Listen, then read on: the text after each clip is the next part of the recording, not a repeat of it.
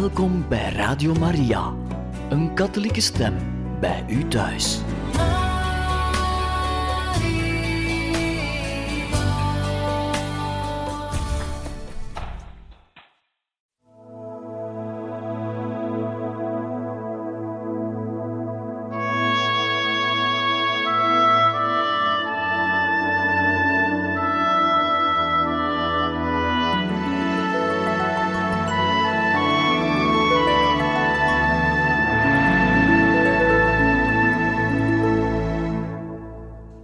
Goede vrienden, beste luisteraars van Radio Maria, we heten u hartelijk welkom in het programma Heiligen Getuigen, waarin we u verder voorlezen uit het boek We worden geboren om nooit meer te sterven, het verhaal van Chiara Corbella Petrillo. We zijn ondertussen gekomen aan hoofdstuk 2, Leven en zich laten liefhebben. Enrico en Chiara zijn ondertussen gehuwd en ze verwachten hun eerste kindje. Het zal een meisje worden, maar de diagnose van de dokter was heel ernstig. Het kindje heeft geen schedel. Een ernstige aandoening waaruit blijkt dat het kindje na de geboorte niet zal blijven leven. En Chiara was of is vastbesloten, ondanks de adviezen van de dokter, om haar kindje toch te houden. Ik lees verder in het verhaal. De volgende ochtend hield ze niet op met huilen. Chiara begreep dat ze dit lijden niet alleen kon dragen. En toch leek het juist dat wat God haar vroeg. Dit was een van de vragen in haar hoofd die haar het meest wanhopig maakte. Waarom liet God haar deze zwangerschap niet samen met haar man ontdekken? Waarom verlang jij van mij dat ik het hem zeg? zei ze tegen God. Chiara leed voor haar kind, maar ze had haar beslissing al genomen. Ze wist wat ze zou doen. Voor mij was het evident dat ik de zwangerschap zou verder zetten, maar ik wist nog niet of mijn man hier hetzelfde over zou denken. Uiteindelijk riep ze God aan. Op dat moeilijke moment viel Chiara's blik op een beeld van de heilige maagd Maria. Alles veranderde. In haar hart daalde een gevoel van vrede neer. Ze schreef: Eerst leek ik veroordeeld tot een toekomst zonder hoop. Daarna werd ik vervuld van vreugde toen ik inzag hoe de Heer dit lijden zag. Wat was er gebeurd? Het joeg Chiara angst aan dat Enrico en zij nog maar net getrouwd waren. Ze wist niet hoe hij zou reageren op het bericht dat het niet goed ging met hun dochter, dat ze zou sterven na de geboorte.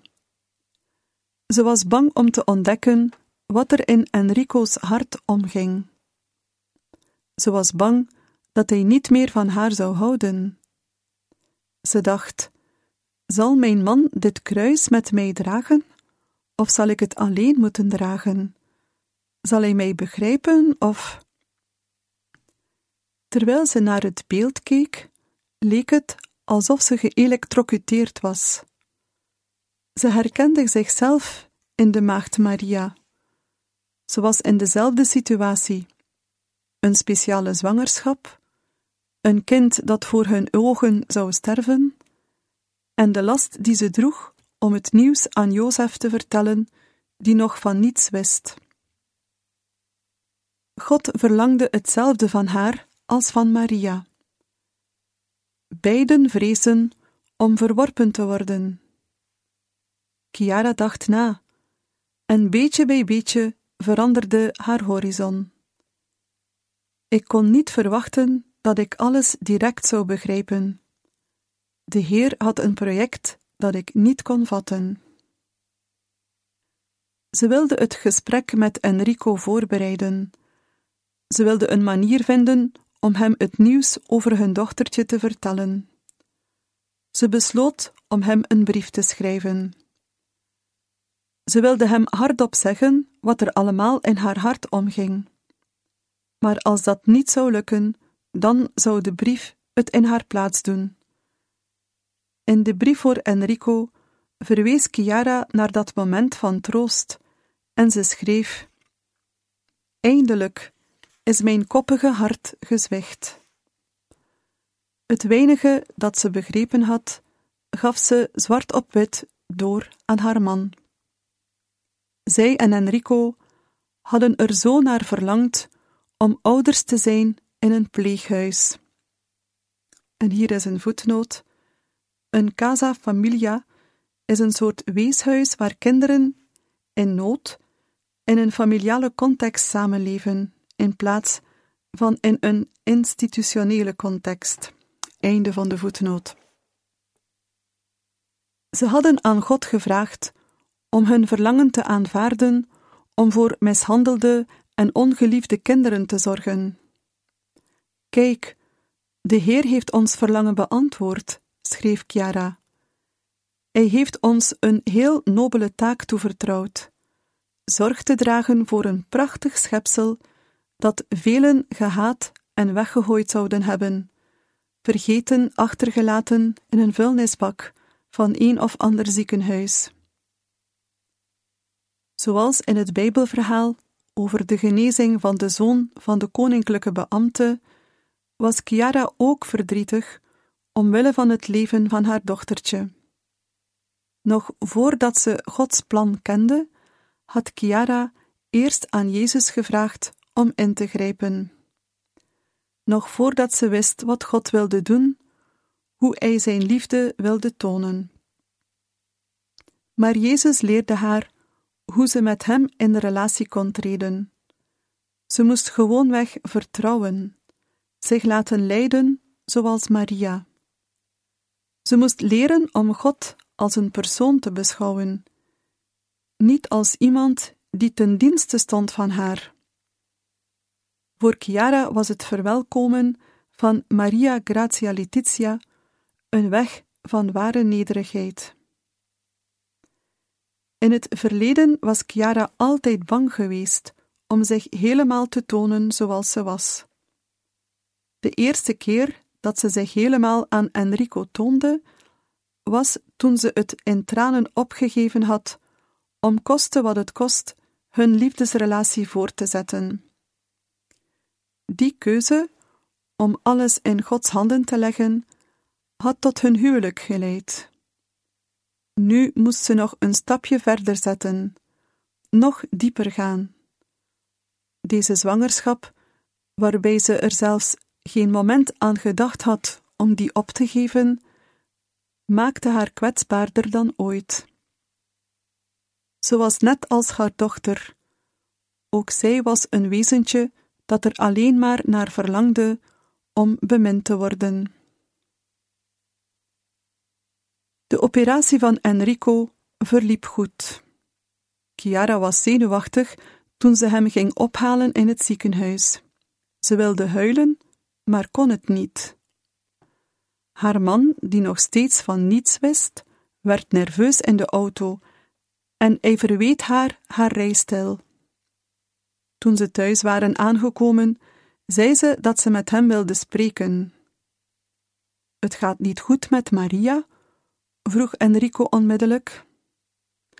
Maak je geen zorgen. Wat er ook mis is, we houden haar hoe dan ook. Nee, we kunnen haar niet houden, antwoordde Chiara, want ze is niet levensvatbaar. Dit kindje was niet voor hen. Ze omhelsden elkaar en huilden samen. Ik had nooit aan deze mogelijkheid gedacht, vertelde Enrico.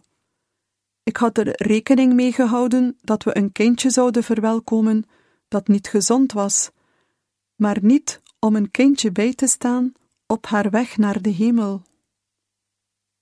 Op dat moment ontdekten we voor de eerste keer dat we op dezelfde golflengte zaten. Zelfs meer dan dat. We wisten allebei wat we in deze situatie wilden. Het was prachtig. Toen Enrico sprak hoorde Chiara de woorden die ze zo zeer verlangd had te horen. Maak je geen zorgen, ze is onze dochter.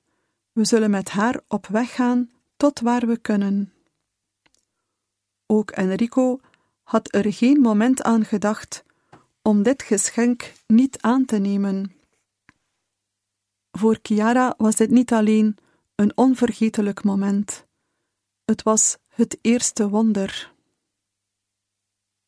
Maria Grazia Letizia was een authentiek geschenk van God.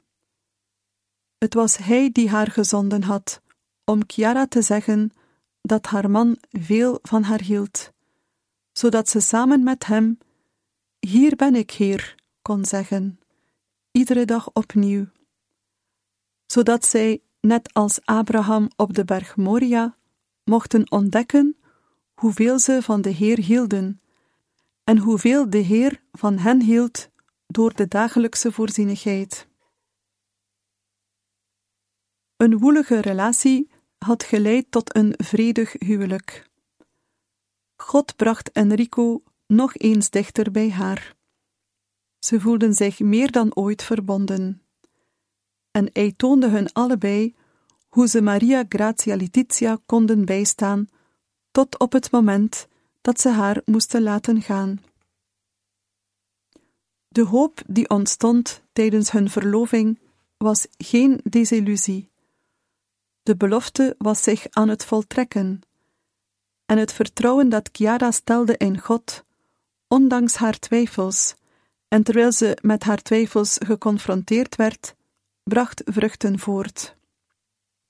Ik dacht, hij houdt echt van mij, die man, en hij houdt van de vrucht van onze liefde, net zoals ik van haar houd. Vanaf dat moment werden we door de genade nog meer verenigd.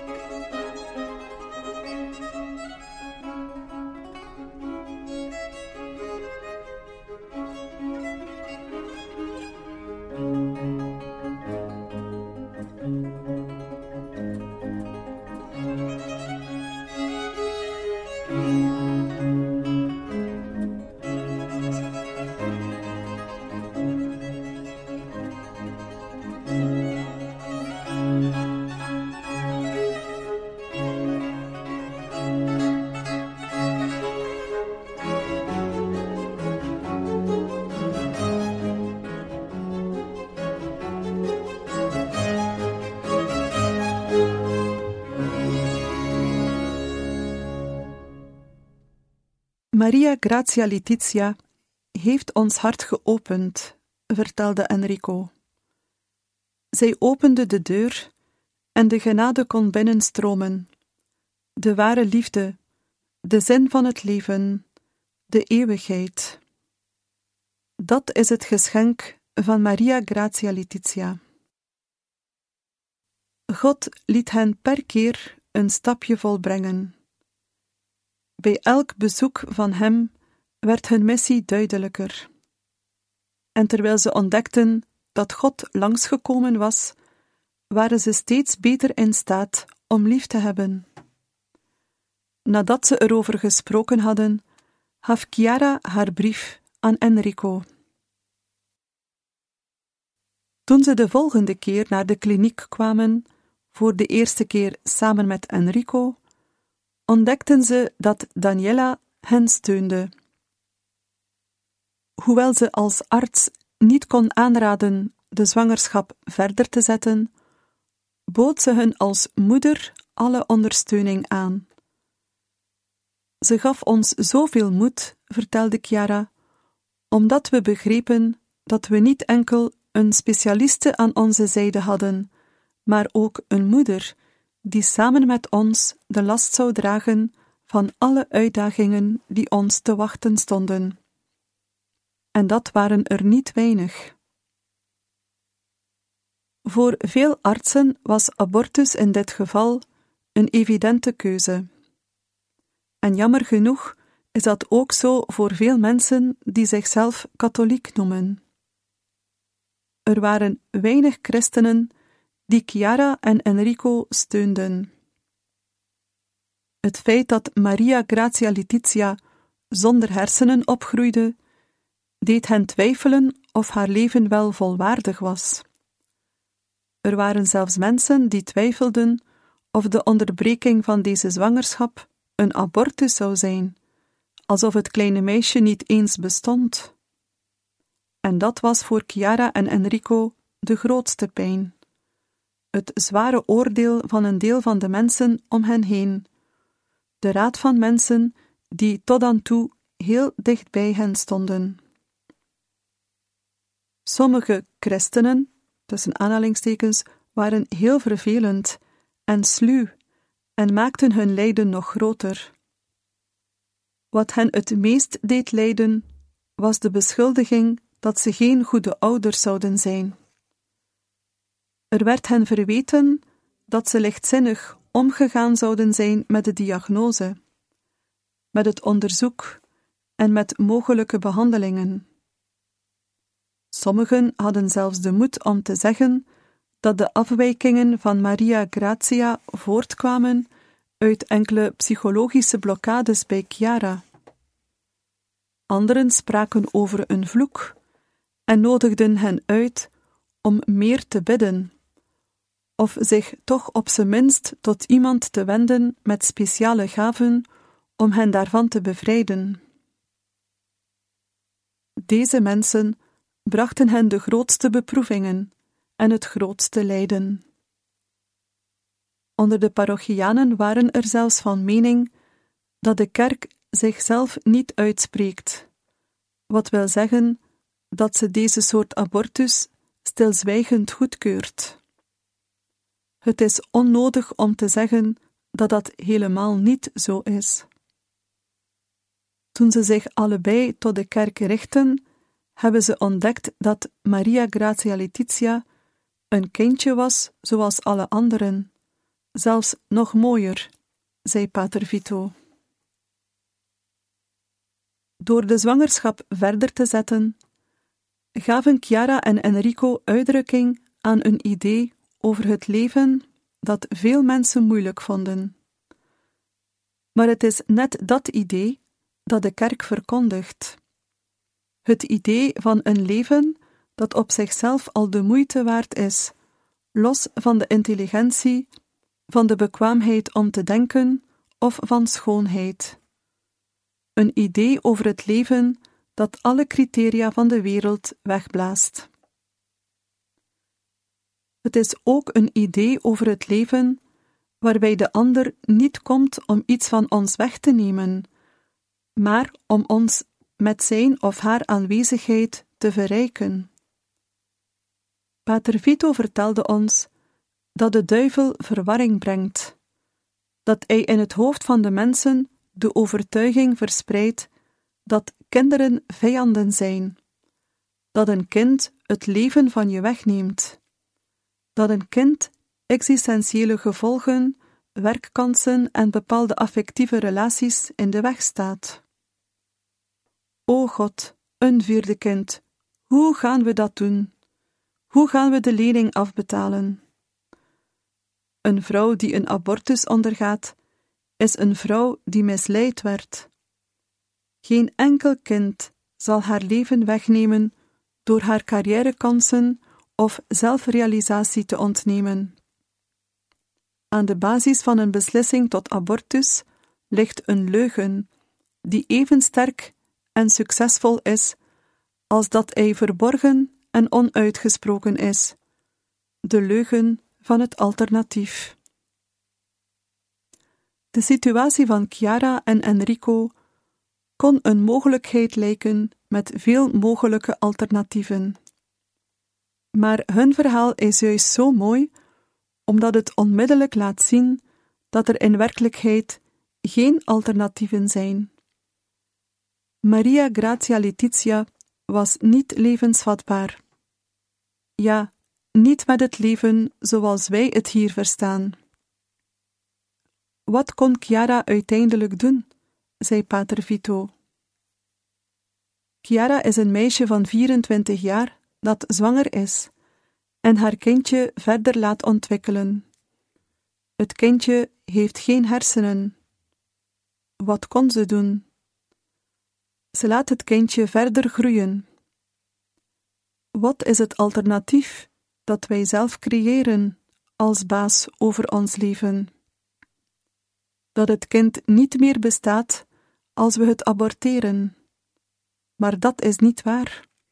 Dat is geen echt alternatief. Dat is een leugen. Wat is die leugen? Dat als je je kindje doodt, je daarna gelukkig zult zijn. Maar dat is niet waar. Het kind bestaat en zal altijd bestaan. En als jij je huis koopt met het geld dat je bespaard hebt, doordat je je kind niet ter wereld hebt gebracht, dan zal het huis met bloed besmeurd zijn. Het huis bestaat niet, het is vervloekt. Er is altijd slechts één weg om te gaan, en veel lijden doen we onszelf aan, omdat we aan die weg willen ontsnappen. Deze waarheden schenen op een eenvoudige manier door in Chiara en Enrico. Een licht straalde van hun gezichten, een licht dat fascineerde en troostte. Net zoals de blijde boodschap van het Evangelie is het iets dat je niet voor jezelf kunt houden, maar moet delen en verspreiden. We waren in Rome toen wij op onze gsm een berichtje kregen van hen. Chiara beschreef niet wat het exacte probleem was, en we hebben hen niet onmiddellijk gebeld om verdere uitleg te vragen. We vermoeden dat ze geen zin zouden hebben om telefonisch te praten. We schreven dat we zo snel mogelijk zouden komen en dat we in de tussentijd voor hen zouden bidden. Chiara waardeerde dit. Ze hield er niet van om te telefoneren, en op dat moment werd ze bestormd met telefoontjes, wat alles nog moeilijker maakte.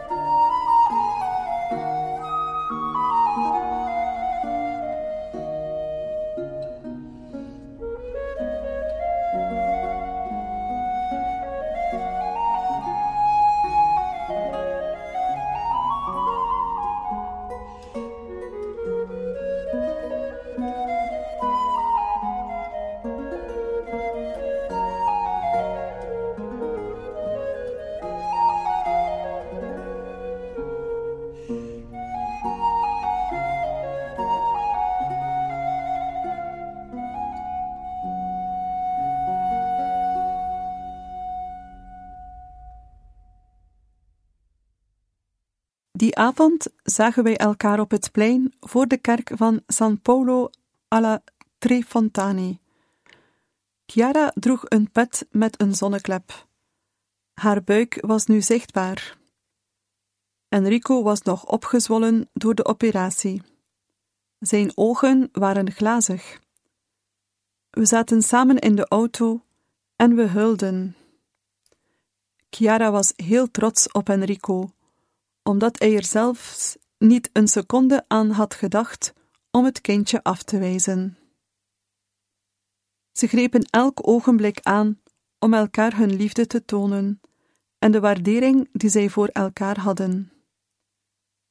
We hadden de indruk dat Chiara niet enkel huilde omwille van Maria Grazia Letitia's situatie, maar ook uit ontroering en geluk, omdat Enrico aan haar zijde stond. Vanaf dat moment voelden wij ons meegetrokken in hun verhaal. We maakten er op een integrale manier deel van uit. We hebben hun gezegd dat we er zouden zijn voor hen, in gebed, maar ook in persoon, en dat we het eens waren met hen. Op deze manier liefhebben was de enige echte mogelijkheid. Daarna gingen we naar de mis in het heiligdom van Maria van de Openbaring. S'avonds aten we samen. Ze vertelden ons vreugdevol over hun huwelijksreis en over hun wens om een kindje te adopteren, met roze voeten van kleur. Chiara vroeg ons of we er ook eentje zouden willen. Vanaf dat ogenblik waren wij verbaasd over hun vrede, die mysterieuze vreugde waarover later nog veel gesproken zou worden. Terwijl we samen waren, rinkelde de telefoon de hele tijd.